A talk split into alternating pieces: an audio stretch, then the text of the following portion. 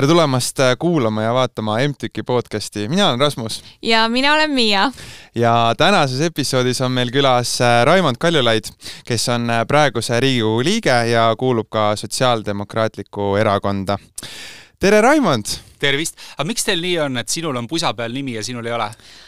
Tead, see on hea küsimus. väga hea küsimus. ja see on tore, et sa episoodi kohe niimoodi alustad mm. meile küsimusega, aga see vastus on väga lihtne. mina lihtsalt olen teise aasta tudeng ja ma sain endale eelmine aasta nagu tellitud. hierarhia, et teise aasta tudengitel on nimelised pusad. see ei ole isegi minu pusa, ma okay. saan seda nii-öelda laenata siis episoodide salvestamiseks. ja just, aga tal on nüüd võimalus nüüd, tellida see pusa. nüüd ma sain kohe tellida endale oma nimega, kus on just. ka Miia kenasti all. see laenutamine on ka ilus, see ongi see ringmajandus, millest me räägime, rohepööre, et, et väga hea. ja just, just, just, just, et, et me mõtleme kõigele selles mõttes, jah aga meil on alguses äh, selline saateplokk nagu lõpeta lause. Mm, -hmm. ehk siis me ütleme sulle ühe äh, lause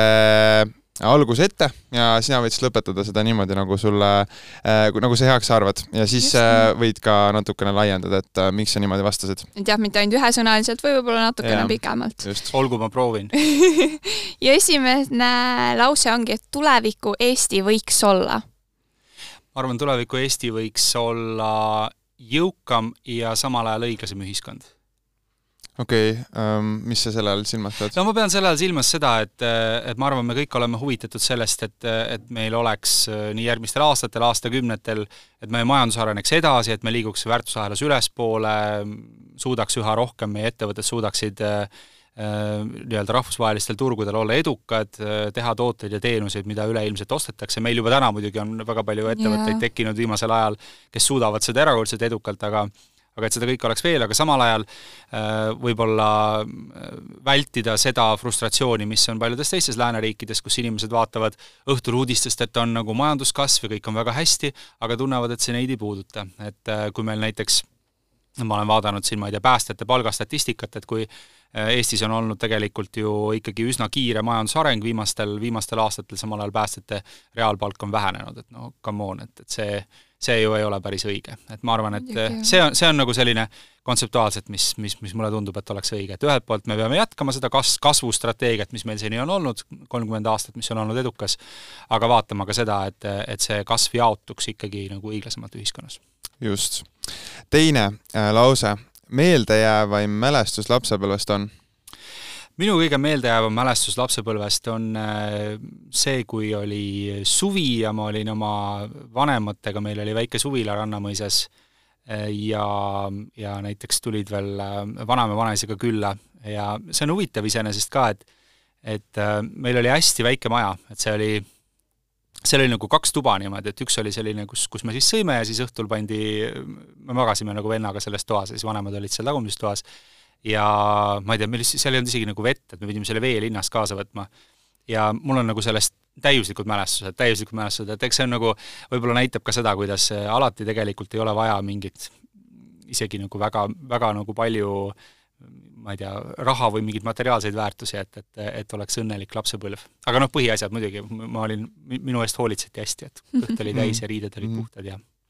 see on huvitav, et sa mainisid Rannamäe, ma olen ise ka sealtpoolt pärit. Äh, sama, sama kandi vennad. nüüd see on nagu põhimõtteliselt nagu Tallinna eeslinn, et ja, seal on hästi, hästi palju maju, aga tol ajal mm -hmm. oli seal, ta oli selline nagu Saaremaa moodi, et seal oli mm, -hmm. seal on selline kadakatega ja. maastik, et Just. et minu vanaisa on Saaremaa juurtega ja siis ma arvan, et ta sellepärast selle koha valiski omal ajal, et et see meenutas talle jah, meenutas talle nagu Saaremaad. just, just, just, just. seal oli noh, meri on ju, sai käia nagu ujumas ja tollal oli kuidagi, see oli noh, ma arvan, praegu vanemad ei laseks elu sees lapsi nii vabalt, et me nagu lihtsalt sõitsime seal jalgratastega mere äärde, mis oli tegelikult päris kaugel, või hiljem, kui ma olin teismeealine, siis ma sõitsin nagu Tallinnast vahel sinna Rannamõisa jalgrattaga maantee ääres, et et äh, tol ajal mingeid rattateid seal ääres ei olnud ja nii edasi, et, et hästi palju vabadust oli tegelikult sel ajal, kui mina laps olin mm. -hmm. aga kui rääkida üldse Eestist, mis on sinu lemmikkoht Eestis äh,? Mulle noh, raske on öelda, mis on lemmikkoht, et, et aga üldiselt ma jagan oma aega Tallinna ja Hiiumaa vahel, et ma just, äh, me oleme Hiiumaal nüüd suvitanud äh, kaks suve ja praegu siis püüame siis tekitada sinna mingit kohta, mis oleks nagu täitsa meie oma, et, et me oleme ela, elanud tuttavate juures praegu. aga, aga jah, et, et see ongi, et mulle tegelikult meeldib olla Tallinnas siis, kui ma töötan yeah,. et yeah. siin on noh, erinevalt võib-olla Euroopa suurlinnadest, kus äh, need tööle minemise ajad ja kui seal on, ma ei tea, kohtumised on kusagil, on küllalt pikad, Tallinn on tegelikult hästi, hästi väike linn ikkagi, hästi kompaktne, et mulle nagu meeldib siin tegelikult olla, aga siis, kui on suvi ja, ja kui mul on vaba aeg, et siis ma nagu pigem tahaks olla jah, täitsa kusagil, ma olen nagu väga, mulle Hiiumaa väga meeldib, või saared üldse, et et nad on ikkagi sellised veidi eraldatud ja ja see saare, ma arvan, ma arvan, et see on nagu äh, noh, see ei ole nagu teaduslik seisukoht, aga, aga mulle tundub, et midagi selles on, et kuna, kuna mu vanaisa on sealt, et siis see, kui ma praami pealt maha sõidan või maha tulen saare peale, siis see tundub nagu õige. õige koht mm. -hmm. jah, et, et, et midagi selles on, et ma, ma ei tea, kas see, kas see on salvestunud geenidesse, et see saar nagu meeldib või või noh, või, või ma ei tea, millest see tuleb, aga fakt on see, et, et et äh, ma just homme lähen, kahjuks küll väga lühikeseks ajaks, lähen töö pärast, lähen korraks äh, saartele, et siis iga kord, kui ma nagu sealt, sealt praamist nagu maha tulen, siis ma saan, oh, et noh, see on nagu hea. ja teine on Tallinn tegelikult ka, et mulle meeldib nagu Tallinna, Tallinnas äh, kesklinnas olla, kui ma, kui ma töötan kaks meeldivat kohta, aga erinevad äh, nii-öelda situatsioonid. mul on endal täpselt samamoodi, et kui nagu tahadki sellest koolist ja kõigest natuke eemale saada, siis kuhugile maale, suvilasse minna, see aitab hoopis teistmoodi akusid laadida, et muidu kuskil välismaal puhkustel olla on küll mõnus vahepeal, aga selline Eesti looduses ja vaikuses ja võib-olla natukene kuskil sellises kohas on tegelikult ka väga mõnus. ja eriti tänapäeva ühiskonnas Just. väga vajalik tegevus, aeg maha võtta, rahulikult nautida ja, ja, ja, ja olla seal looduses. Äh, nii, äh, järgmiseks äh, lemmikriik peale Eesti? lemmikriik peale Eesti on Portugal. ja kui see oleks linna küsinud, siis ma oleks öelnud Berliin, muide. Okay. Et ütleme, Euroopa suurlinnadest jah, ma olen, mulle Berliin väga meeldib ja ma olen elu jooksul, iga kord, kui ma kuidagi tunnen, et, et ma ei tea, kui ma olen üle töötanud või olen veidi väsinud sellest, mis, mis siin toimub, et siis ma nagu lähen tavaliselt Berliini aga, aga jah, Portugal. Ja Portugal, ma just tulin sealt, kusjuures. Ma olin perega seal natukene, natukene niisugusel väiksel minipuhkusel, aga see on väga huvitav, arhitekt Philip Stark, kes vist on, minu meelest elabki nüüd püsivalt seal Portugalis, siis ta ütles, et, et Portugalis elavad veel nagu Euroopa viimased korralikud inimesed. Et, et see on huvitav, et me olime seal just, meil on väike laps, ta on aasta ja kaheksa kuud, olime tütre ja siis abikaasaga. Äh, Lissabonis ja, ja siis äh, käisime ka siis seal Lõuna-Portugalis, et äh, nad on, nad on lihtsalt erakordselt normaalsed inimesed, et eriti kui sa lapsega oled, siis sa nagu näed seda, et nad, nad nagu, nad on nii rõõmsad näiteks lapsi nähes, et alati oo, noh, kuskil kohvikutes igal pool kõik on kohe okei okay,, et kas teil on midagi vaja, on ju, et noh, et ta meil sööb umbes sellist asja, pole probleemi, et me teeme täpselt mm -hmm, nii, et mm, -hmm. et nad on hästi-hästi nagu hoolivad lastest, sest armastavad lapsi. Ja tõesti on nagu erakordsed inimesed, et, et see, see nagu, milline kultuur neil on ja kui hooliv ja toetav see on, see on, see on nagu hämmastav. jah, Eestis nagu väga tihti seda ei märka, mina ise isiklikult märkasin viimati äh, Raekoja platsil äh, jõuluturul äh,, kui olid, oli ka hästi selline lumine ilm oli ja siis äh, perega käisime, siis seal oli, esiteks oli nii palju rahvast ja ma vaatasin, ma olen nagu kuskile filmistseeni äh, sattunud äh,. kõik olid nii rõõmsad äh,, nautisid äh,, et said korraks välja tulla, onju, noh, siis oli ka ju ikkagi koroonaga meil olukord nagu palju hullem. et aga äh, lihtsalt Portugali puhul, kui ma segan, et mis, mis mulle veel meeldib, et kui Lõuna-Euroopas tihti kipub olema noh, need tähtaegadest kinnipidamine või mingitest kellaaegadest kinnipidamine on lihtsalt, pole, pole sealse kultuuri osa nii palju, siis portugaallased on väga nagu sellised punktuaalsed ja hästi korralikud, et, et olles seal nagu päris palju reisinud, et kõik alati toimib ja kõik alati töötab mm. -hmm et natukene vasta-, vastand nagu jah, sellele lõunariikide kohta tegelikult ja. päris haruldane tõesti, et seal tihtipeale on küll selline tunne, et keegi ei pea äh, nii-öelda ajast väga kinni mm. -hmm. aga viimaseks äh, küsimuseks on siis läbi aegade legendaarseim poliitik. läbi aegade legendaarseim poliitik ähm, vot see on nüüd keeruline küsimus sest et tegelikult äh, selliseid legendaarseid poliitikuid, poliitikutel on niimoodi, et et sul peab ka nagu langema kokku, sa pead sattuma õigesse ajastusse. Yeah.. et, et ma ei tea, et kui näiteks Briti peaminister Winston Churchill oleks, kui ei oleks tulnud teist maailmasõda, siis ta oli ju tuhande üheksasaja kolmekümnendatel aastatel nii-öelda poliitikast noh, praktiliselt välja tõrjutud selle äärealadel, noh, ta oli võrdlemisi jõukas inimene, elas, ma saan aru, kusagil linnast väljas, tegeles seal oma aiamaa ja maalimisega ja ja, ja ega teda keegi väga tõsiselt ei võtnud ja kõik tegid tema üle nalja ja siis äh, algab Teine maailmasõda, eks ole, luuakse siis äh, selline koosmeelevalitsus, kõik äh, erakonnad panevad seljad kokku, ütlevad, unustame sisepoliitilised vastuolud ära, on vaja vaenlane, on vaja võita ja, ja noh, ta sõja ajal on siis selline nagu tohutu, tohutu jõud, eks ole, kes, kes noh, nii läbi oma juhtimise kui ka tegelikult läbi sellise väga osava retoorika ja, ja kõnepidamisoskuse äh, suudab nagu seda rahva meelsust hoida üleval ja tegelikult ka rahvusvahelistes suhetes ju, ju ähm, äh, saavutada väga palju äh, Inglismaa jaoks. et kui nagu seda kohutavalt traagilist ajajärku Euroopa ajaloos ei oleks olnud, siis võib-olla me Winston Churchilli nime ju üldse ei teakski äh,, või kui vaadata Briti poliitikas, no ütleme, naisterahvas, kellega ma kellega mu seisukohad ilmselt palju lahknevad, on Margaret Thatcher, aga kui sa vaatad nagu seda, ütleme, mis tema puhul äh, oli, oli hämmastav,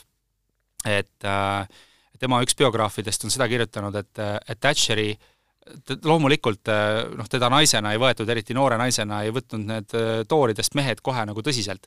ja, ja iroonia seisneb selles, et mõnes mõttes tal vedas, et võib-olla kui ta oleks väga noorena äh, saanud äh, kohe nii-öelda mõne silmapaistva ameti, siis tema seisukohad olid alguses ikka nii radikaalsed, et võib-olla poleks seda,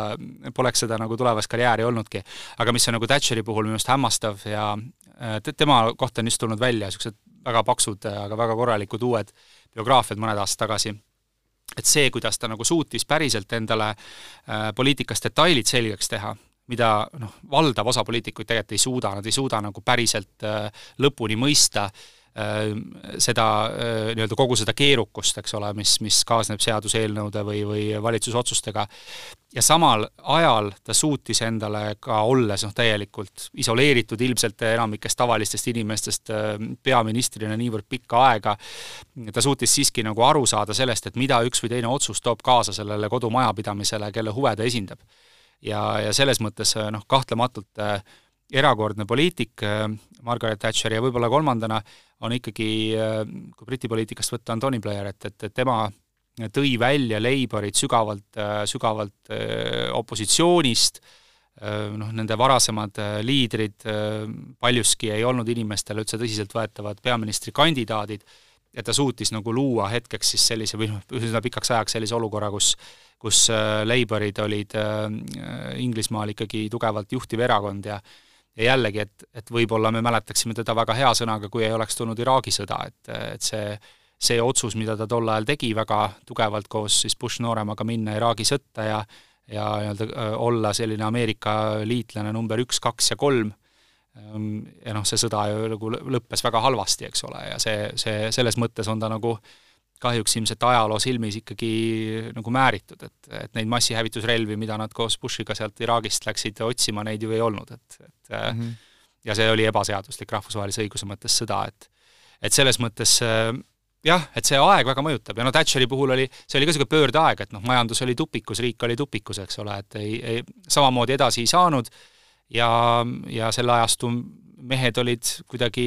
ei olnud neil seda power'it, et, et sõnastada, mis see uus visioon on, on ju, temal see oli mm. -hmm ma arvan, et äh, meil vist nii põhjalikku lõpetalause äh, seda plokki ei ole ja, veel olnud, aga aitäh sulle, aitäh sulle, siit tuli väga palju huvitavad, huvitavaid fakte. jäime palju äh, targemaks. jaa, just. aga liigume vaikselt edasi. räägi, millega sa praegu hetkel tegeled täpsemalt ja kuidas sa vabal ajal aega veedad? Noh, töö, töölaual praegu on, ma olen Riigikogu majanduskomisjonis, nii et kõik majanduskomisjoni eelnõud siis käivad, käivad minu töölaualt läbi. Ähm, ja ja majandusküsimused mind nagu üldiselt väga huvitavad, et kuna ma enne, enne poliitikasse tulemist olin ettevõtluses, et ja võib-olla ka see, et, et, et poliitikutele Eestis ja noh, rohkem võib-olla majandusest meeldib see selline rahanduse ja fiskaalpool, et, et, et seda väga hinnatakse, eks ole, et need poliitikud, kes valdavad sellist fiskaalpoliitikat, ma ei tea, nagu Andrus Ansip, eks ole, kes oli tema, tema, tema sellised eelarve doktriin on ju, on see, mille poolest ta mingis mõttes läheb, läheb siis ajalukku võib-olla, et et mind nagu huvitab rohkem just see ettevõtluse pool ja reaalselt see, mis puudutab nagu ettevõtete võimet tegutseda, laieneda äh,, minna välisturgudele ja nii edasi. et see on asi, mis mind huvitab, noh praegu midagi pole teha nüüd, kus äh, Euroopas on sõda, äh, paratamatult ka majanduskomisjon tegeleb sellega, et mida see meie jaoks tähendab, et mis see meie majandusele kaasa toob, milliseid valdkondi see puudutab, kuidas see neid puudutab ja need mõjud on tegelikult noh, Eesti, Eesti rahvas täna tegelikult ma arvan veel isegi, isegi ma arvan, me ei kujuta ette, kui, kui rängalt see meile võib mõjuda, et, et selles mõttes see, mis, mis, kui see, kui me räägime energeetikast või me räägime ka väga paljudest tarneahelatest, et, et see võib häirida meie igapäevaelu päris olulisel määral juba, juba, juba lähe, lühema aja pärast. et see on üks asi ja teine asi, ma olen siis Euroopa Liidu asjade komisjonis, olen äh, aseesimees ja eks Euroopa Liidu asjade komisjon tegeleb äh, paljude küsimustega, aga näiteks kõik, mis puudutab ka rohepööret ja Eesmärk viiskümmend viis paketti, et see on olnud nagu viimastel kuudel minu, minu töölaual ja siis on veel, veel tööalased, kuna ma olen Tallinna volikogus meie fraktsiooni juht, siis ma sellise igapäevase nagu nitty-gritty linna juhtimisega, et selleks, sellega tegelevad abilinnapead ja ma ei, ma nagu ei, ei, ei taha väga nii-öelda sellesse kuidagi oma, oma nina toppida või neid segada, aga muidugi mind nagu huvitab see, et me äh, kõige üldisemas mõttes, et, et me esindaksime oma valijate huve hästi. ja mõnes mõttes mitte ainult meie valijate, vaid oleme ausad, et kõik need, kes opositsiooni või muutuste poolt hääletasid Tallinnas enne kohalikke valimisi, et me püüame nagu kogu aeg neid inimesi siis silmas pidada mm. -hmm. Ja vabal ajal ongi, et noh, see on nagu äh, keeruline võib-olla äh, mõista, aga noh, praegusel hetkel ma päris paljuski ma, tegelikult see on nagu pereelu, et äh, ja mitte sellepärast, et ma pean, vaid seepärast mulle hästi meeldib see, et, et äh, mulle väga meeldib, et kui mul vähegi aega on, siis äh, siis me oleme kas kolmekesi või, või ma olen oma lapsega kahekesi, et, et see on nagu see, mis ma teen, et, et ma praegu isegi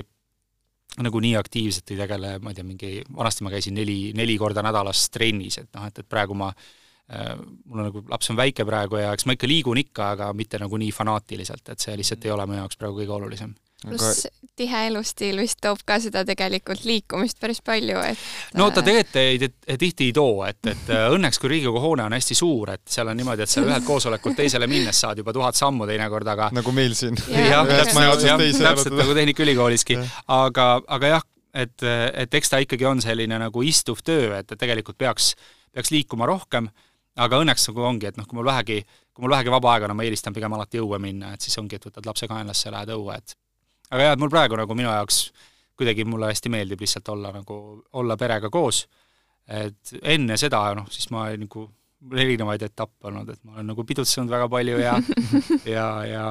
ja siis mingi aeg ma reisisin nagu väga-väga palju, et põhimõtteliselt oligi, et nädalavahetuseti olin väga tihti, olin Eestist ära või kui natuke tekkis mingi puhkus, siis ma lendasin kuhugi minema kohe, et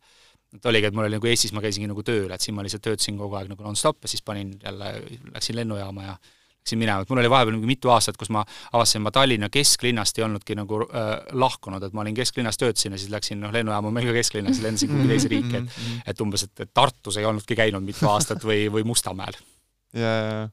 et nagu ma ütlen, kas sul selle kiire elustiili kõrvalt äh, siis ikka pere jaoks jääb ka aega, jah? no peab olema jah, et, et äh, ma tean, et nagu poliitikud kõik ütlevad, nad töötavadki, ainult töötavad, et on jah, päevad on hästi pikad ja nad on hästi intensiivsed ja see materjali hulk, mis nagu läbi on vaja lugeda, on, on tohutu, aga noh, siis ikkagi ei saa nagu äh, siis näpistada, et näiteks lähed õhtul koju ja oled lapsega, lapsed lähevad varem magama, on ju, siis võtad oma paberipaki välja ja loed äh, Ehm, Euroopa Kontrollikoja aruandeid, Riigikontrolli aruandeid, siis magad natukene ja hommikul siis läheb otsast peale jälle, et et peab leidma, et, et minu meelest äh, ma ei tea, ma, ma nagu ei usu, et sa saad olla, või noh, saad küll, ilmselt saad, aga aga kui, kui sa nagu oma, oma lähedaste jaoks aega ei leia ja sa tegelikult ei hooli sellest, kuidas su perel läheb, ma ei usu, et sa siis ka nagu oma töös väga hea oled, et, et, et et minu meelest nagu peab olema mingisugune mõistlik tasakaal. jah, tasakaal on kõige alus mm aga kui rääkida üldse selle poliitikateekonna algusest, et kuidas sina jõudsid üldse poliitikasse, äkki rääkida natuke sellest? Ähm, see on huvitav, no ma olen, ma olen, ma olen päris palju käinud, mind kutsutakse koolidesse ja, ja, ja vahel ka ülikoolidesse ja nagu ja sellis, sellis, sellistel teemadel rääkima, et üks asi, mis ma olen õppinud nüüd, kus ma olen, ma sain nelikümmend sel aastal, et ähm, et kuidagi ükskõik, mis plaane sa teed, või no, või ma, ma mäletan nagu väga hästi seda, kui ma olin äh, kaheksateist, üheksateist, et mulle tundus kuidagi, et elu on ikkagi niisugune lineaarne, et sa sead mingi eesmärgi ja siis sa töötad selle suunas, sa saavutad selle, sead järgmise eesmärgi, liigud selle suunas, aga tegelikult mis juhtub, on elus kuidagi nagu võimalused tulevad nagu ma ei tea, buss tuleb ette ja sa pead valima, et kas sa lähed selle peale ei, või ei lähe, võtad mingi järgmise. et äh, mina esimest korda puutusin poliitikaga kokku äh, see on täielik juhus, ma õppisin Tartu Ülikoolis semiootikat, sain tuttavaks ühe neiuga, kes siis omakorda tundis väga paljusid inimesi Eesti Keskerakonnast, tutvusin seal paljude, paljude nende nagu inimestega. Ja siis sai Edgar Savisaarest linnapea, see oli tuhande üheksasaja üheksakümne üheksandal aastal moodustati siis kolmikliidu valitsus Mart Laari juhtimisel, kus olid toonased mõõdukad, ehk siis nüüdne Sotsiaaldemokraatlik Erakond, Reformierakond, Isamaa ja siis ühel hetkel äh, rahandusminister Siim Kallas küllap siis tundis, et tema võiks ise peaminister olla Mart Laari asemel ja siis nad Savisaarega leppisid kokku, Kallasest sai peaminister, aga sellele eelnesid siis sellised võimupöörded Tartus ja Tallinnas ja siis äh, Tallinnas siis äh, Savisaarest sai Tallinna linnapea ja, ja mõnda aega hiljem siis Kallasest peaminister. ja äh, ja siis mind kutsuti nagu sinna, et, et tule sinna linnapea meeskonda kommunikatsiooniga tegelema ja mul ei olnud nagu kunagi sellist plaani või noh, et, et see ei olnud midagi sellist, mille peale ma oleksin osanud ette mõelda. Ma mäletan, ma mõtlesin, noh, mul oli plaan, eks ole, et äh, aga et nüüd on selline võimalus, et kas ma nagu ütlen jah või ütlen ei. ja mulle tundus, et see on nii huvitav asi, ma ütlesin jah.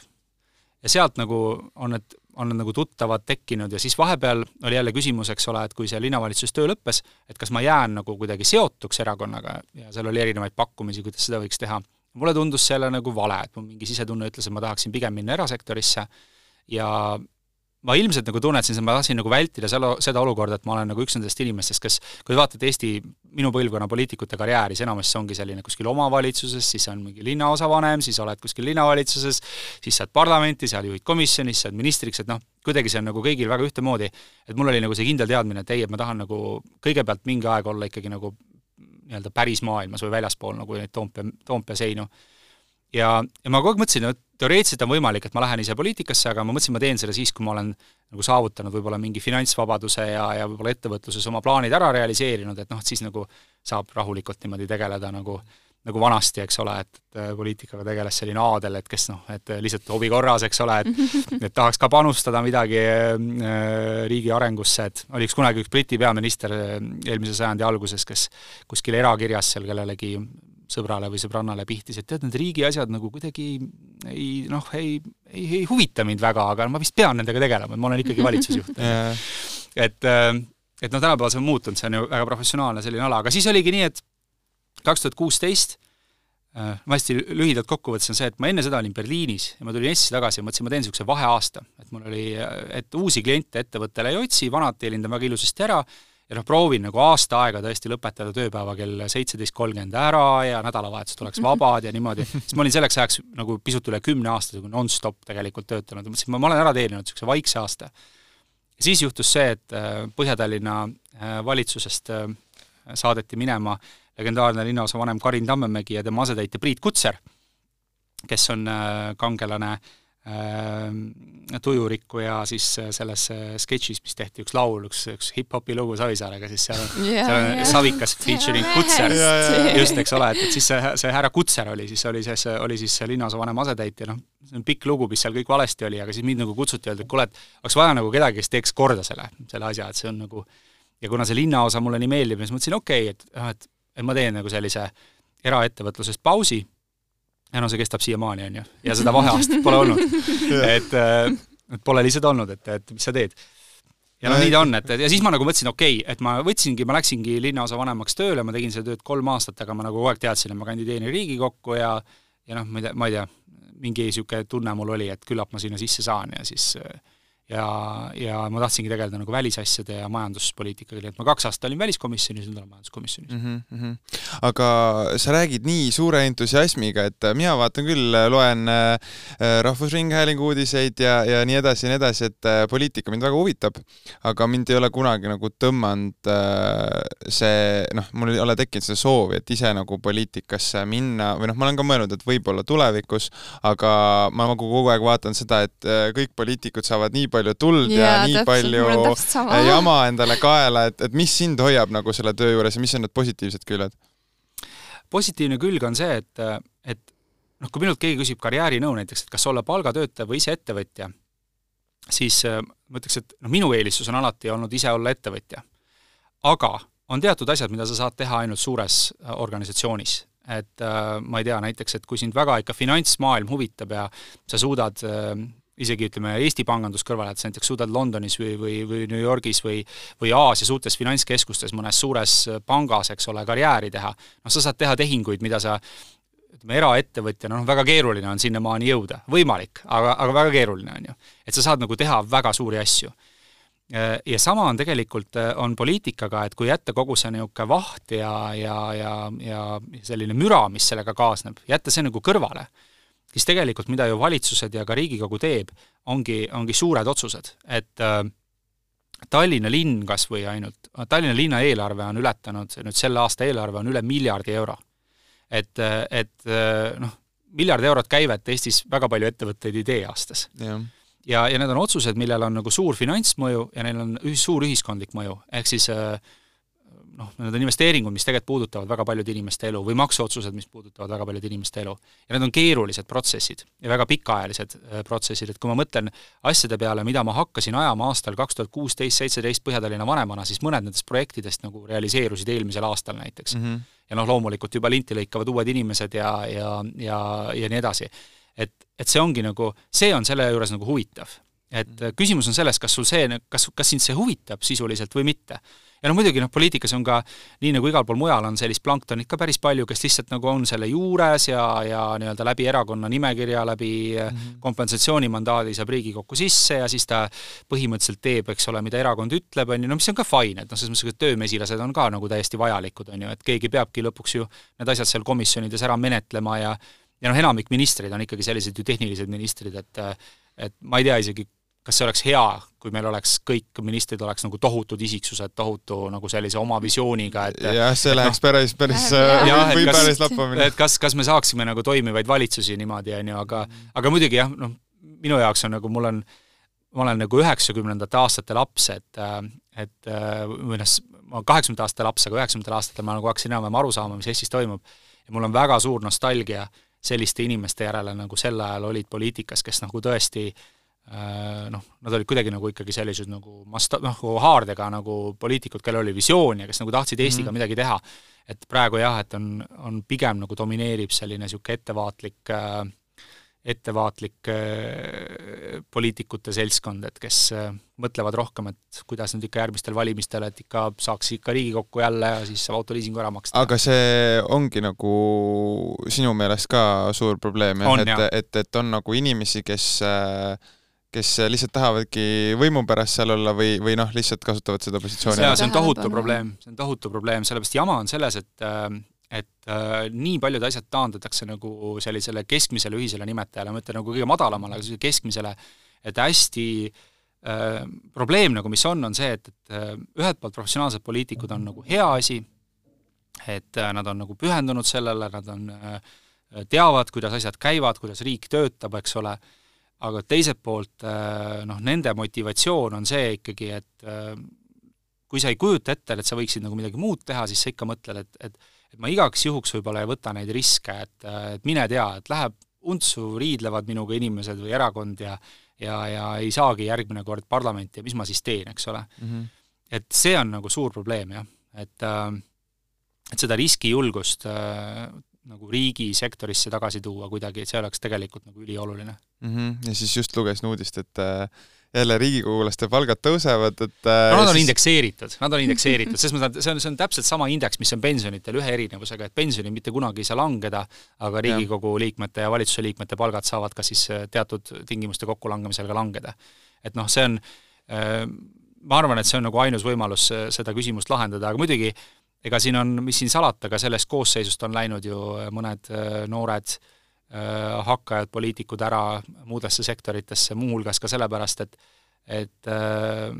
noh, nii uskumatu, kui see ka tundub, aga mingi, mingi, mingis maailmas on see palk jälle nagu mitte väga motiveeriv, on ju. et noh, minul, ütleme, ma, minul isiklikult on, eks ma ikka vahel mõtlen, et et, et noh, millalgi võib-olla peaks jälle nagu ettevõtlusse tagasi roteeruma, et et elada jälle seda nagu elu, mis mul võib-olla enne oli, et mm -hmm et kus ma noh, ütleme, et see oli, see oli, mingi osad sellest olid meeldivamad ja ma arvan, et see kriitika või nagu kogu see tähelepanu, mis selle Riigikogu liikme nii-öelda rolliga ka tuleb, et ega seda tegelikult ka lihtne see lihtne ei ole ja need ootused, mis tegelikult sulle inimesed ka väljaspoolt pidevalt peale seavad, et äh... no seda küll, aga samas noh, osa sellest kriitikast on ju hästi ära teenitud, et mm, -hmm. et ega, ega riigikogulased on oma käitumisega nagu selleks ka paljuski alust andnud, et et selles mõttes nagu see on nagu noh, fair play, et, et ja teiseks muidugi niisugust ajuvaba noh, lihtsalt ebakonstruktiivset kriitikat on väga palju, aga samal ajal see, et meil on nagu vaba ühiskond ja see, et meil on võimalus nagu tõepoolest inimestel ja, või ajakirjandusel nagu vaadata sinna sisse, et kuidas, kuidas neid otsuseid tehakse ja neid ka vajadusel kritiseerida, et see on tegelikult nagu ülioluline. et äh, vastasel juhul kipub minema ikkagi nagu riikidel halvemini. et noh, eriti tänaste ja. uudiste valguses, on ju. just aga kuidas üldse selgitaksid tavainimesele, milline on selline Riigikogu liikme igapäevane töö,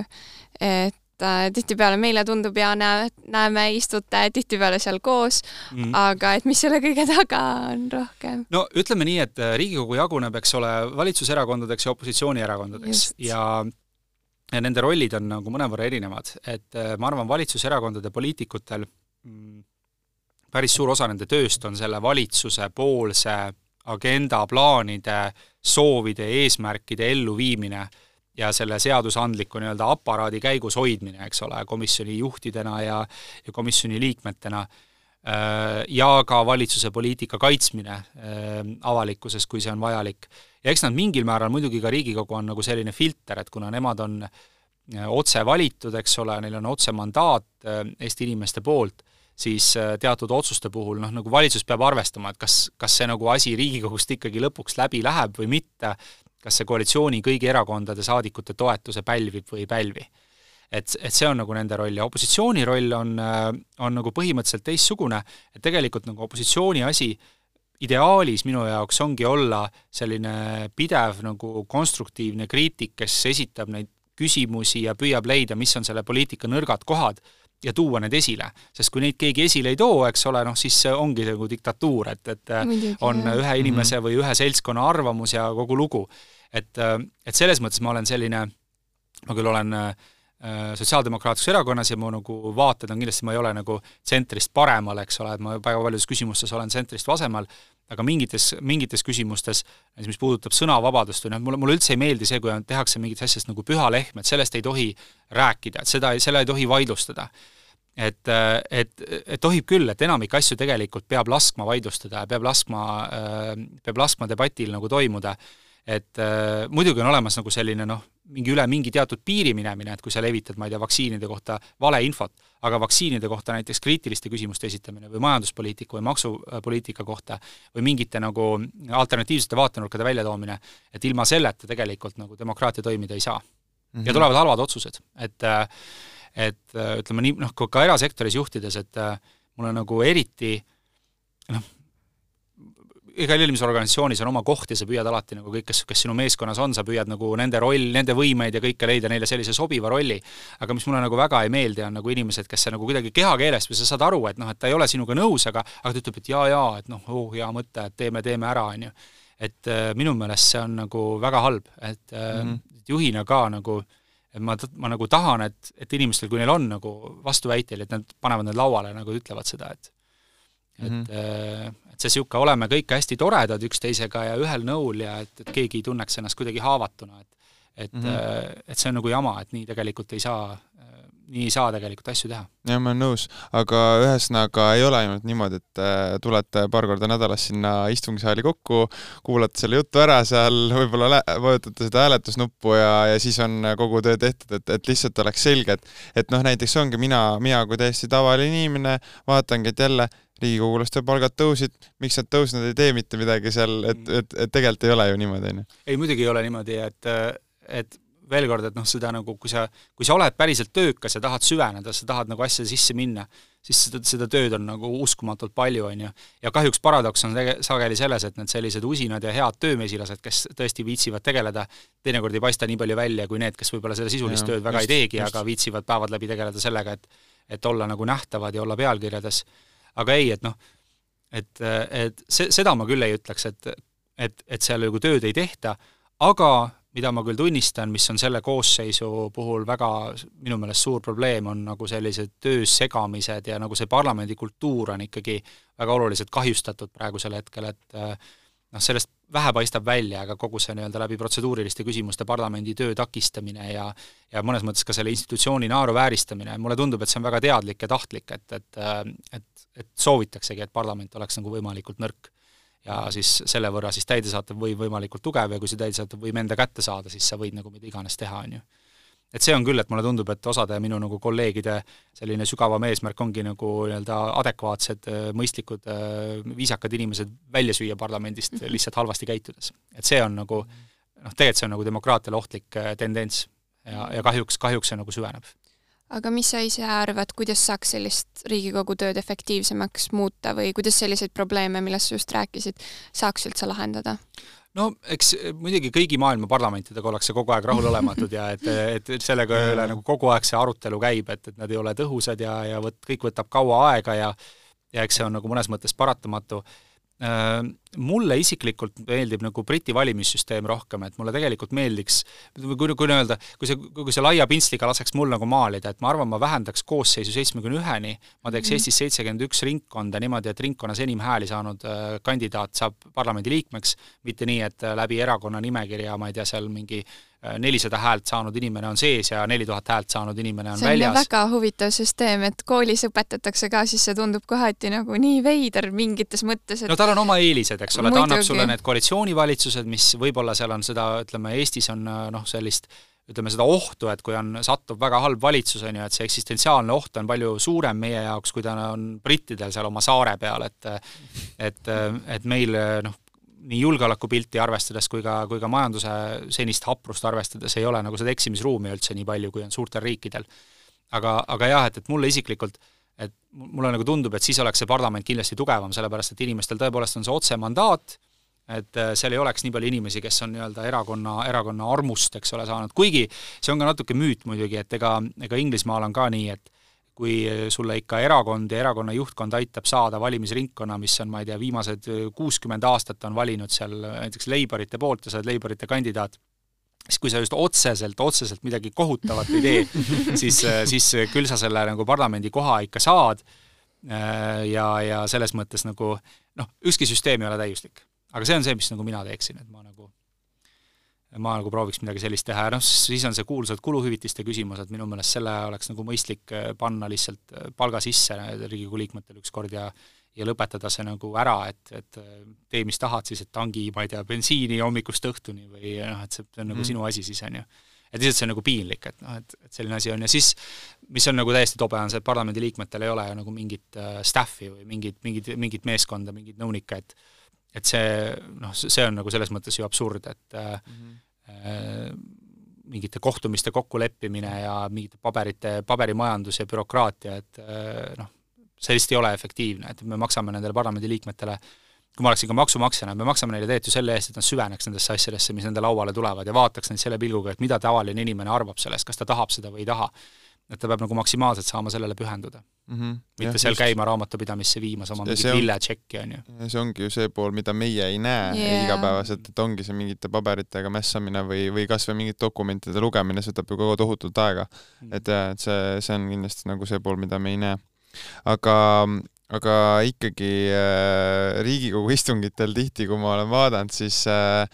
äh, noh, on seal kaheksakümmend protsenti on äkki kohal, aga ikkagi mingi kakskümmend protsenti on e, paljudel juhtudel puudu, et mis, mis need põhjused seal no, taga hästi, võivad hästi olla? hästi lihtne on, kui sa ise täna, noh, Riigikogus on, eks ole, on äh, alatised komisjonid, mis on temaatilised, on majandus ja välis ja riigikaitse ja nii edasi, mhm. kui sina oleks täna Riigikogu liige, mis komisjonis sa tahaks olla? Majanduses ilmselt. majandus või rahandus? majanduses, on ju, et majanduskomisjonis. no kui sa oleksid majanduskomisjonis, kas sa sooviksid äh, kulutada iga nädal ma ei tea, seal suurusjärgus kümme, kakskümmend töötundi, et kuulata sotsiaalkomisjoni eelnõude arutelusid, maaelukomisjoni eelnõude arutelusid, äh, haridusküsimusi, et või sa tahaksid pühenduda majandusteemadele? no pigem tahaks ikka no seda tööd teha, jah. jah, et noh, siis ongi küsimus, et et kui täiskogu parasjagu arutab äh, seal äh, mingit, äh, ma ei tea, sotsiaaltoetuste maailma kuuluvat äh, küsimust, on ju, isegi võib-olla kui see mind nagu isiklikult noh, väga, väga huvitab, on ju, et et aga mis mu roll seal saalis siis on olla, on ju, mhm. mis ma seal teen et see lihtsalt on selle efektiivsuse, produktiivsuse no just, on ju, versus, versus siis see näiteks, et ma saan selle aja jooksul kokku äh, ma ei tea, mingite reaalsete Eesti mm -hmm. ettevõtjatega ja, ja saan neilt mingit tagasisidet eelnõude kohta, millega ma nagu reaalselt päriselt praegu tegelen et noh, ma ei tea, kas või näiteks kaugtöö, et, et ka Eesti personalijuhid on tähelepanu juhtinud, et see kaugtöö on, kaugtöö tegemine on arenenud väga kiiresti viimastel aastatel, samas on ju tööseadusandlus sellega täna nagu ei arvesta, et, et on terve hulk nagu küsimärke selle korraldamise osas, et et ongi, et noh, selle kõigega nagu, et ennast sellega kurssi viia, sa pead nagu väga palju materjale läbi töötama ja, ja inimestega just, kohtuma ja nii edasi mm. -hmm. ma ei just. arva, et see on väga mõistlik ja minu valija ilmselt ka ei oota, et ma samal ajal istun ja kuulan seal arutelu selle üle, kuidas mingeid perehüvitisi täpselt peaks välja mhm. maksma ja püüan sellest ka nagu aru saada mm. -hmm. jaa. aga kui äh, rääkida üldse siis rahva nii-öelda kaasatusest poliitikasse, et kuidas saab sellist asja ühiskonnas tõsta ja suurendada? see on nagu ütleme, see on üks põhjus, mikspärast mina pooldaksin isiklikult seda valimisringkonna kohta ühe saadiku kontseptsiooni mm. -hmm. sest siis on sul hästi lihtne, et, et ütleme täna noh, ma ei tea, kas teie teate, kes teie seda ringkonda, kus te elate, või siin on ka terve hulk inimesi, et kes on teie saadikud Riigikogus? no. elu sees ei tea, ma arvan. ma arvan ka, et ei tea. vähemalt kohe ei tule meelde. kuus, seitse, kaheksa inimest, eks ole, kaheksa, äh, kaheksa inimest, kellel kõigil tegelikult on mingid nii-öelda teie, teie kodukanti esindavad saadikud ja te ei tea, kes nad on et, et mulle selles Briti nagu süsteemis see meeldib, et seal noh, üldiselt kui sa oled poliitikat jälgiv inimene, siis sa tead, kes on sinu MP. Ja kui sul on mingi mure,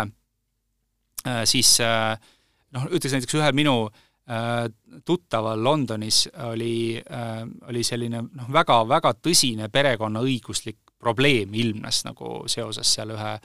nagu päris traagiliste sündmustega seal peres ja, ja ilmus, et ilmnes, et nagu seadus on, seadusandja ei ole sellist olukorda ette näinud. ei ole sellist olukorda ette näinud. ja läbi tema MP äh,, selle äh, parlamendiliikme, see jõudis siis lõpuks äh, nagu nende infotunni analoog on see, kus peaminister vastab siis parlamendi mhm. küsimustele, see on iga mhm. kolmapäev, on see question time. see jõudis siis sinna nagu äh, äh, peaministri küsimuste-vastuste äh, tundi ja peaminister ütles, et kuulge, et see, mis te mulle räägite, et ma tahan sellesse asja süveneda, ta kutsus selle inimese nagu enda juurde kohtumisele ja selle seadust muudetakse et, et see esindussüsteem, et minu meelest, et äh, noh, see, see nagu annab see, kui sul on kindel ringkond, et ma ei tea, kus iganes, eks ole, kus te mm. elate, et isegi kui see on, teie ei hääletanud selle inimese poolt, aga teil on see oma nii-öelda member of parliament, kelle poole pöörduda see kõlab väga lahedalt, jah. ma just üks, üks päev juhtusin vaatama nende seda istungit ja siis neil on see kultuur on nii, või noh, kultuurishoki sain sealt kohe, et kus seal kõik nagu jee, nei, nei või mingi ja, räägivad aga no see on, ütleme, ma olen olnud seal selles nagu reaalselt seal selles all, selles nii-öelda nende siis parlamendis vaadanud seda, et et see on nagu väga lärmakas ja selline nagu vihane, aga mhm. selles on nagu samal ajal mingi teatud selline ma ei oska öelda, nagu teatud viisakus või noh, et see, et see, et selles mõttes on see hästi huvitav, et kui Eesti parlamendi infotundi, ma olen loobunud nagu infotundide jälgimisest või sellest osalemisest, sest mingit infot seal tegelikult ei vahetata, seal vahetatakse siis õelusi mm. -hmm. ja, ja see on, need on nagu päris õelused, et selles mõttes, et Briti parlamendis on nagu, nad võivad olla väga kirglikud ja see öeldakse väga halvasti, kui sa vaatad nagu stenogrammi. aga selles on nagu mingi respekt nagu vastaspoole suhtes. et see on jah, mis on nagu kahjuks Eesti poliitikas sageli praegu puudub ja mille nimel minu meelest tuleks töötada, et seda oleks rohkem mm. -hmm. just ähm,. Aga kuidas äh, suunata inimesi rohkem valima või üldse üleüldiselt poliitikast huvi tundma? see on jälle selline küsimus, kui ma vaatan, kui ma vaatan Eesti valimisaktiivsust, et ma otseselt ei näe, et, et ma, kui see oleks, ma ei tea, alla, alla viiekümne protsendi Riigikogu valimistel või ma ei tea, nelikümmend protsenti, no siis ütleks, et on tohutu mure, on ju. et, et päeva lõpuks ma olen täiesti võimeline ette kujutama seda näiteks, et, et ma, kui ma oleksin nii-öelda edasi praegu ettevõtluses, tegeleksin oma asjadega, oleksin sellega väga hõivatud, võib-olla ma ei osalekski iga kord Riigikogu valimistel, et ei lähekski valima. et päeva lõpuks ma nagu, ma ei tea, ma noh, et mis see protsent siis on, millega me rahul oleme, et kas peab kaheksakümmend protsenti käima valimas või üheksakümmend kuus või, või peab nagu sada käima valimas, et mm -hmm. et, et ma ei tea, mulle tundub, et see ei ole nagu, see ei ole nagu äh, probleem, et valimisõigus on kõigil inimesel olemas, Eestis valimised on ühetaolised, on nagu läbi viidud korrektselt, professionaalselt, mul ei ole nagu mingeid etteheiteid olnud äh, selle aja jooksul, kus mina olen nagu väga puutunud kokku ka Riigikogu valimiskampaaniate korraldamisega, valimiste läbiviimisele, et äh, see õigus on kõigil olemas, võimalus on kõigil olemas osaleda valimistel, kes soovivad, et ja need, kes soovivad, need osalevad, et mm -hmm. no seda on hea kuulda, et, et siis vähemalt äh, Riigikogu poolt nii-öelda on, on nagu äh, sellega probleemi ei ole no ma ütleks, Riigikogu poolt on või ei ole, aga tihti ka räägitakse, et vot noorte valimisaktiivsus on madalam. kui ma mõtlen enda peale tagasi, nagu kui ma olin nagu kakskümmend üks kuni viis, et noh, et oleme ausad, et ega ma nagu ei mõelnud enamikku oma ajast, kuigi ma olin sel ajal ju poliitikutega seotud ja ma tegelesin nende kampaaniate ja kõigi niisuguste asjadega, aga ega ma nagu vabal ajal nüüd nagu ei mõelnud, et äh, tingimata selle peale, kuidas riigis asjad on ja ja noortel on ka riigiga kokkupuuteid vähem, et siis, kui sa vanemaks saad, tekivad seal, ma ei tea, terviseküsimused, puutud mm -hmm. tervishoiusüsteemiga rohkem kokku, maksudega äh, samamoodi. maksud, eks ole, siis noh, sul peab olema ikkagi mingid äh, arvestatavat tulu, mida maksustada, on ju, kui su ma-, maksud on ära maksnud sinu vanemad ja siis kannavad sulle edasi mingi raha, kui sa veel elad nagu nende kulul, on ju, siis sa nagu ei taju seda mm -hmm. ilmselt, on ju, mis see maksukoormus on. Ehm, noh, ma ei tea, kui tekivad lapsed, siis inimesed hakkavad märkavad, et oi, et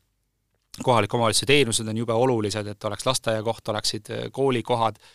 ehm, ma ei tea, oleks hea, head kõnniteed, eks ole, madalate äärtega, et, et selle lapsevankriga liikumine on hoopis teine asi, kui nagu lihtsalt ise jala kepselda et, et, et see on nagu ka loomulik mingis mõttes mm. -hmm. aga mis sa ise arvad, mis põhjustab seda, et rahva, rahva ebausku nii-öelda sellistesse poliitikutesse, et justkui ei usutagi, et midagi saab väga muuta ja et äh, inimesed tihtipeale arvavad, et kõik on ikka halvasti ja midagi ei lähe paremaks, et kas see on selline Eesti inimese omane pigem või? aga seda tegelikult uuringud ei kinnita, et tegelikult äh, kui vaadata, jah, tõsi, eks ole, parlamendi, ma mõtlen parlamentidega on kõikjal maailmas on probleeme ja ma arvan, et muuhulgas ka sellepärast, et sinna nagu satub, valitakse võib-olla alati mingeid inimesi ka, kes, kes pingutavad selle nimel, et parlamendi maine ei oleks väga hea. aga Eestis üldiselt institutsioonide nagu maine ei ole nagu katastroofiliselt halb. et ja, ja võib-olla selle, võib-olla kõige rohkem on seda näha teatud sellistel kriisihetkedel, et siis nagu inimesed äh, nagu unustavad mõnes mõttes need erimeelsused, mis on võib-olla olnud ja tegelikult mm -hmm. Eesti ühiskond, kui ma mõtlen kas või näiteks ütleme, koroonakriis nüüd, mis on väga, väga lõhestavaks muutunud, aga kui see algas, siis tegelikult oli ju väga paljudel oli okei okay,, et noh, et näed, on juhtunud selline suur probleem, eks ole, meie, meilt oodatakse siin seda, et me siin hoiaks distantsi, et no hoiame siis, on ju, ettevõtjad seal korraldasid ümber, on ju, oma, oma tööprotsesse, et, et töötajad saaksid minna kaugtööle, praegu tegelikult on äh, näiteks ettevõtjate poolt on ikkagi tohutu, tohutu nagu selline valmisolek aidata Ukraina sõjapõgenikke mm. -hmm. et, et see on nagu hämmastav, on ju, et minu meelest äh, jah, ma jah, ma ei ole nagu nii pessimistlik selle koha pealt, ma ei ole nii pessimistlik selle koha pealt. see on jah see, et, et äh, tavasituatsioonis äh, tsiviilelus meil äh, need äh, nii-öelda väiksed asjad hakkavad häirima, onju, mhm. aga siis, kui meil tulevad need suuremad probleemid, siis me tegelikult nagu tuleme ikkagi kokku ja, ja saame aru, et meil on vaja ühise eesmärgi nimel nagu pingutada, onju. olen nõus ja see, ja see on minu meelest, Eesti on nagu seda nii tõestanud ka, et kui ma mõtlen kogu selle taasiseseisvumise aja peale, et tegelikult kui nagu arukalt sel ajal inimesed käitusid ja kui arukalt tegelikult toonane valitsus käitus, et see oli nagu hämmastav, eks ole, et, et et suudeti nagu ennast sellest väga keerulisest noh, hetkest, kus tegelikult, et täna me räägime sellest, et on sõda, on meist on ju mõne tuhande kilomeetri kaugusele jõudnud, sel hetkel meil olid nagu, minu maja, kus ma üles kasvasin, Tuisu tänaval, oli nagu reaalselt sõjaväeosa kõrval. kui ma vaatasin aknast välja, siis ma nägin Vene soomukeid et, et selles mõttes need väed olid siin juba sees ja, ja üheksakümnenda, üheksakümne esimesel aastal tuli neid ju Pihkvast juurde ja ikkagi suudeti nagu kuidagi manööverdada ennast välja sellest ilma nagu otseste suurte inimohvriteta, et, et jah, et mõistlikud inimesed elavad see... siin kadakate vahel eks see nõuab oskusi, jah. Äh, aga, aga räägi, kuidas, kuidas teil Tallinna linna juhtimine läheb äh, koostöös Keskerakonnaga? Minu meelest läheb hästi, et ähm, nagu üks asi, mis ma kohe alguses kuidagi ka enda omadele ka väga nagu rõhutasin ja, ja avalikult ka, et et mingis mõttes me oleme üritanud hoida sellist äh, võib-olla kontrastset joont sellega, kuidas praegu riigivalitsus on toiminud, et riigivalitsused viimase, mitte ainult see, aga tegelikult ka eelmine ja tegelikult natuke varem enne seda on nagu pe-, peamiselt on nagu kogu aeg omavahel toimub mingi tüli ja nagu mingi niisugune hõõrumine ja noh, see viimane valitsus ka on nagu väga naljakas on ikka, kui nagu valitsuserakonnad kirjutavad üksteisele siis avalikke kirju ja ütlevad, et me nõuame oma kirjale nüüd siin neljapäevaks vastust, on ju, ja kui ei vasta, no siis tulevad tagajärjed, on ju. Et, et ja mis on hämmastav, et nad on jätkanud seda ka nagu nüüd, kus sõda algas, et, et et Jaanus Karilaid ikka kirjutab, eks ole, kaitseministrile mingeid kirju ja, ja õiendab temaga läbi, läbi Eesti Päevalehe, mis on noh, ajuvaba, aga okei okay.. et, et ühesõnaga, me oleme nagu võtnud selle hoiaku, et me, me oleme nagu läinud sinna linnavalitsusse ainult ühel põhjusel. me näeme, et, et läbi selle me saame paremini neid inimesi esindada, kes valisid meid või valisid Eesti kahtesadat või Reformierakonda, teisi opositsioonierakondi. nii. nüüd seda me saame teha senikaua, kuni meil on äh, linnavalitsuses võimalik laua taga erimeelsused selgeks vaielda ja kuni otsustamine on konsensuslik, sellepärast et Keskerakonnal on hääli rohkem, et piltlikult öeldes, kui läheb hääletamiseks, siis on, siis seda mm. linnavalitsust enam ei ole, eks ole, et see on nagu täiesti selge, on ju. kuni need eeldused kehtivad, senikaua me teeme nagu väga konstruktiivselt ilusasti tööd ja proovime kõiki probleeme lahendada läbirääkimiste teel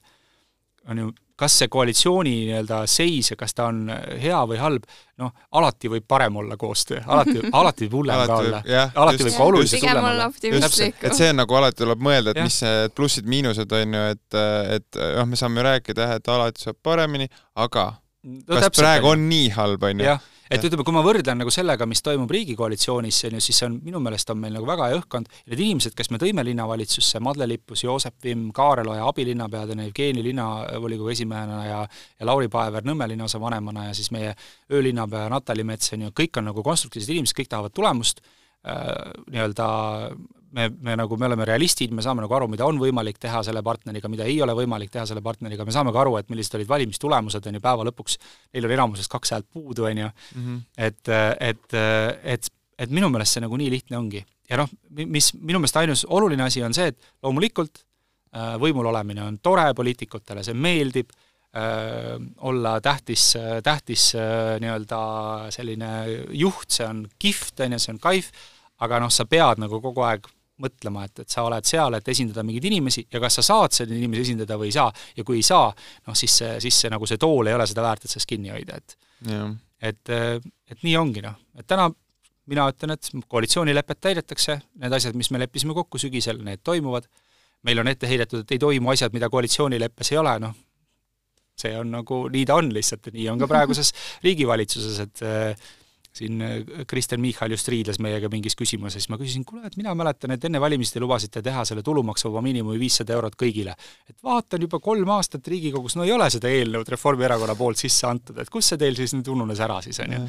et noh, kõigis koalitsioonivalitsuses alati on ju mingid asjad, mis sa enne valimisi lubasid, noh mis ei leidnud konsensuslikku toetust, eks ole, noh, mis sa teed siis, sa ei Kõike saa, ei saa, jah, täpselt, on ju nii, aga liigumegi siis edasi kuulajate küsimuste juurde ja esimene ongi selline väga huvitav, et teie blogi kohta siis. minu blogi kohta? just, et äh, kust tuli selle idee ja mida see täpsemalt endast kujutab? tegelikult on see, et äh, see on väga lihtne äh,, kui rääkida sotsiaalmeedia kasutamisest, et siis mul oli vaja kohta, kuhu panna nagu pikemaid tekste. ja ma ei ole seda, ma, mul ei ole nagu mingit süsteemi, et ma kirjutan sinna korra nädalas või midagi, et tegelikult on see, et kui mul tekiks vajadus mingi pikema teksti avaldamiseks, mida ma kuhugi, ma ei tea, ajalehes mingil põhjusel või kuskil portaalis ei taha avaldada, siis ma panen ta lihtsalt sinna ja siis ma saan linkida mhm. talle. et okay. see on äh, Briti lauljal Sealil on niisugune lugu nagu Kiss from a Rose, mis on tema kõige suurem hitt ja siis ma hiljuti vaatasin mingit Youtube'i äh, samasugust podcast'i, kus küsiti, et noh, kuidas sa selle siis kirjutasid ja kust see mõte tuli, siis tead, tegelikult oli nii, et talle omal ajal kingiti mingisugune niisugune lihtne äh, kassettmagnetofon, millel oli nagu neljarajaline, et sa said nagu salvestada neli, neli rada korraga ja siis ta proovis, kuidas see töötab mm. -hmm. sealt see tuli nagu, et noh, et okay. et siin on sama asi, et see on lihtsalt mingi platvorm, kuhu ma saan asju üles panna. et, et niisugune eneseväljenduskoht ka? ei, ei lihtsalt noh, et kui mul on vaja, näiteks ma tahan kirjutada, ma ei tea, kirjutasin loo, et, et Põhja-Tallinnas võiks olla vesilennukipark, eks ole mm, -hmm. et noh, selge see, et seda, ma ei tea, Postimees ilmselt seda ühe mingi kohaliku kogukonna pargi nagu ma ei tea, kolme A4 avaldama ei hakka, on ju, täismahus, et noh mm -hmm. noh, siis ma avaldan selle, saan selle seal avaldada ja siis panna lingi Twitterisse ja Facebooki. -hmm. aga kogu seda oma sotsiaalmeediat ja seda kõike haldad ise kogu ja. aeg? ja mul on, ei selles mõttes, et äh, mul on olnud küll, et noh, mingi tehniliselt, et keegi teine võib-olla paneb midagi -hmm. üles, aga mul on olnud hästi oluline see, et, et see olen nagu päriselt mina. et eriti -hmm. kui nüüd yeah. kui oli see koroonaperiood, et äh, noh, ma tean, mul on kolleege, eks ole, kes tegelikult ise ei logi sinna kunagi sissegi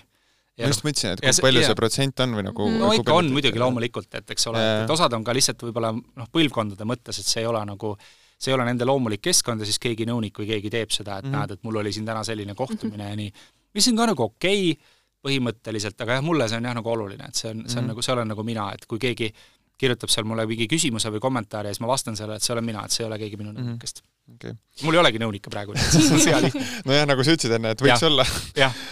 aga kus sa näed ennast äh, kümne aasta pärast?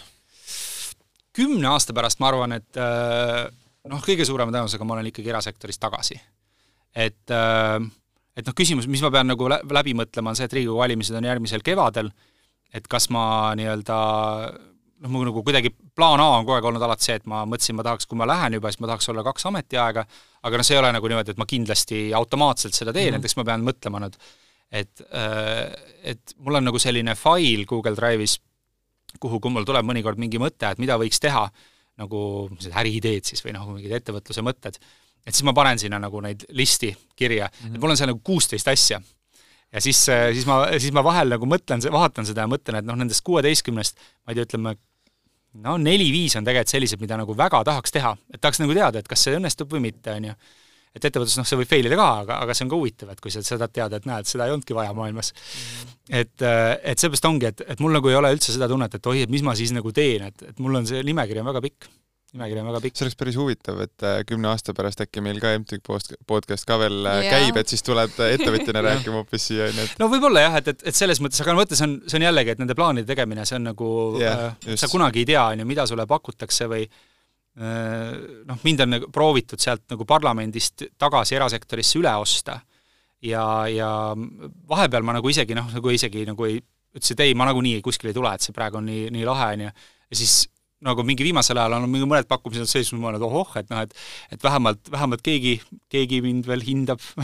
et see on nagu tore. Yeah.. aga jah, ei, praegu ma olen nagu sada protsenti pühendunud sellele, ma kindlasti nagu äh, kindlasti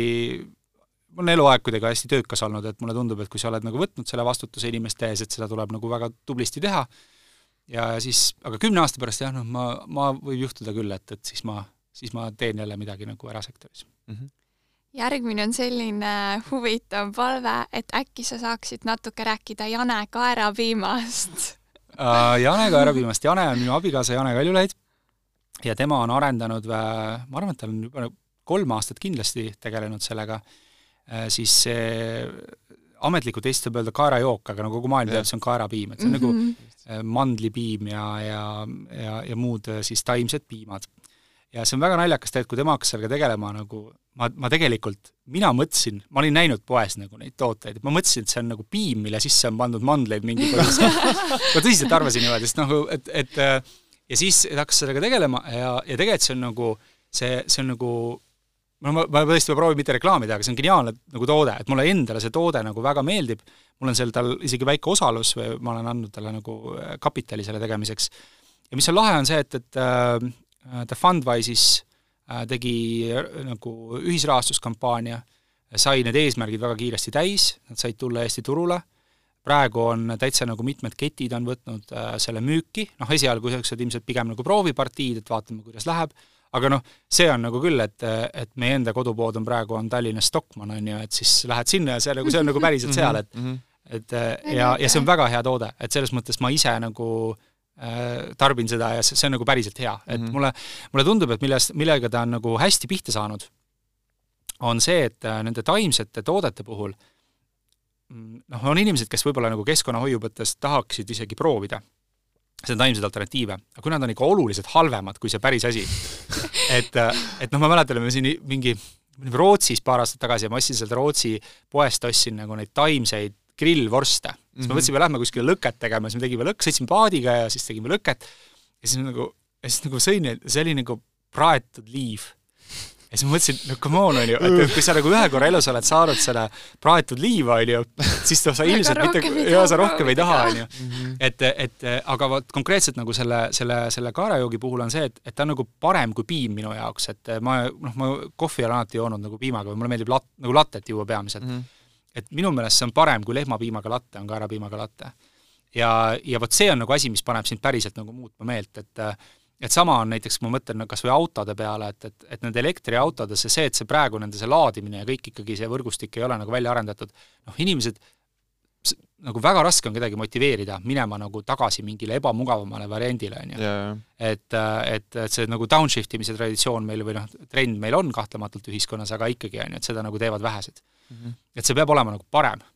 et ma arvan, et kui elektriautode kogu see nii-öelda laadimine ja salvestustehnoloogiad arenevad nii kaugele, et see enam ei põhjusta nagu, et see on sama lihtne kui, kui tankimine või veel lihtsam mm, -hmm. siis inimesed, ma arvan, väga tahavad hakata ostma elektriautosid, sest kui sa sõidad sellega, see on vaikne, see on nagu puhas ja ta on nagu järgmise põlvkonna tehnoloogia. kuigi meil just äh, ühes episoodis käis äh, rääkimas meie üks õppejõud, äh, siis tema just ütles, et, et kuskil podcast'is oli räägitud, et et äh, kõikides riikides on äh, parem omada või noh, nii-öelda keskkonnasõbralikum omada elektriautot, välja arvatud Eestis mm. et, äh, et noh, iseasi, kui palju sellest tõtt on, aga samas põlevkivi, meie need teemad ikkagi see on no, võib-olla seotud sellega jah, et kuidas me oleme seni ja, elektrit tootnud ja, ja siis äh, need võrratud tuulepargid, mis pidid olema Hiiumaal, neid ju siiamaani ei ole ja just ja. sellest kohtuotsusest, mis, mis selle planeeringu peatas, on mingi neli aastat vist möödas, et meil oli just sel teemal äh, majanduskomisjonis arutelu, et väga huvitav oli, et äh, üks probleem, mis Riigikogus olles või ma arvan ka minister olles, on see, et noh, need sageli need aruanded ja PowerPointid, mis sulle näidatakse, on väga ilusad, aga siis seal oli nagu toatäis ettevõtjaid, kes ütlesid, et me tahame arendada tuuleparke, meil on raha, et arendada tuuleparke, tehnoloogia on olemas, meil on väga suur valmisolek, me oleme aastaid selle nimel tööd teinud, riik kõigiti takistab seda, et me arendaksime tuuleparke et noh, et, et see on, täna oli majanduskomisjonis oli ka hääletus, kus siis uus ehitusseadustik äh, oli ja, ja seal olid mõned meie muudatusettepanekud, mille eesmärk on just nimelt seda tuuleparkide rajamist soodustada, et et nii ta on jah, et aga see kaerapiim on jah, nagu näide sellest, et kui sa teed toote, mis on tegelikult nagu parem sellest, sellest, mida ta asendab, et siis, siis on ta nagu asendatav mm. -hmm just. ja siis on selline küsimus, et äh, kui palju esineb äh, onupojapoliitikat Riigikogus uh,? Ma arvan, et see onupojapoliitika pole õige, siis see viitab nagu mingitele sugulussidemetele mm., Eesti ei ole niisugune klanniühiskond, et äh, et äh, seda on, ütleme, teatud riikides on tõesti, vaata, kus ikkagi on noh, mõjukad perekonnad mm. ja sellised hõimud, hõim, hõim, hõimusuhted on väga olulised. Eestis seda ei ole, aga Eestis on, nagu ma ütlen, et see Eesti parlamendi valimissüsteem ju soosib seda tegelikult, et et erakonnad väga olulisel määral otsustavad seda, milline on Riigikogu koosseis, kes saab Riigikokku, kes ei saa ja loomulikult äh, noh, see on nagu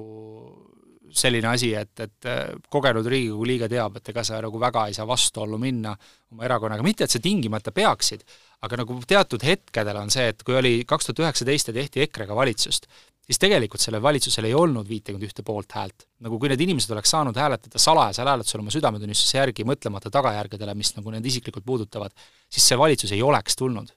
aga lihtsalt äh, see parteisüsteem on selline, et inimesed teavad, et okei okay,, ma praegu nii-öelda mässan, aga selle mässamise tulemusel ma olen nagu väljas.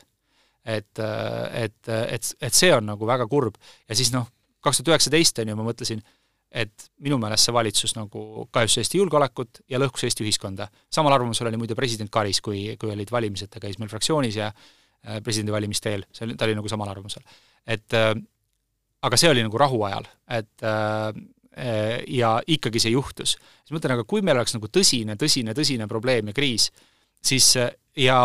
ja noh, ikka need nagu needsamad Riigikogu liikmed on ju, ütleksid, et jaa, ei, ma saan aru, et see kõik on halb ja see teeb meile halba ja see kahjustab Eesti nagu suhteid siin oluliste liitlastega ja ja noh, ühesõnaga igavene jama on sellega, no mis mina teha saan, ma olen lihtne Riigikogu liige. et see on jah, nagu noh, nagu asi, mis mulle ei meeldi. et, et minu meelest nagu Riigikogu peaks olema äh, nagu kuidagi need Riigikogu liikmed ise peaksid rohkem nagu mõtlema niimoodi, et ei, et ma, ma teen seda, mis on nagu õige ja isegi kui saan riielda seal peasekretäri käest, et siis mis siis. aga selle õigsuse poole pealt äh, oli ju ka just see äh,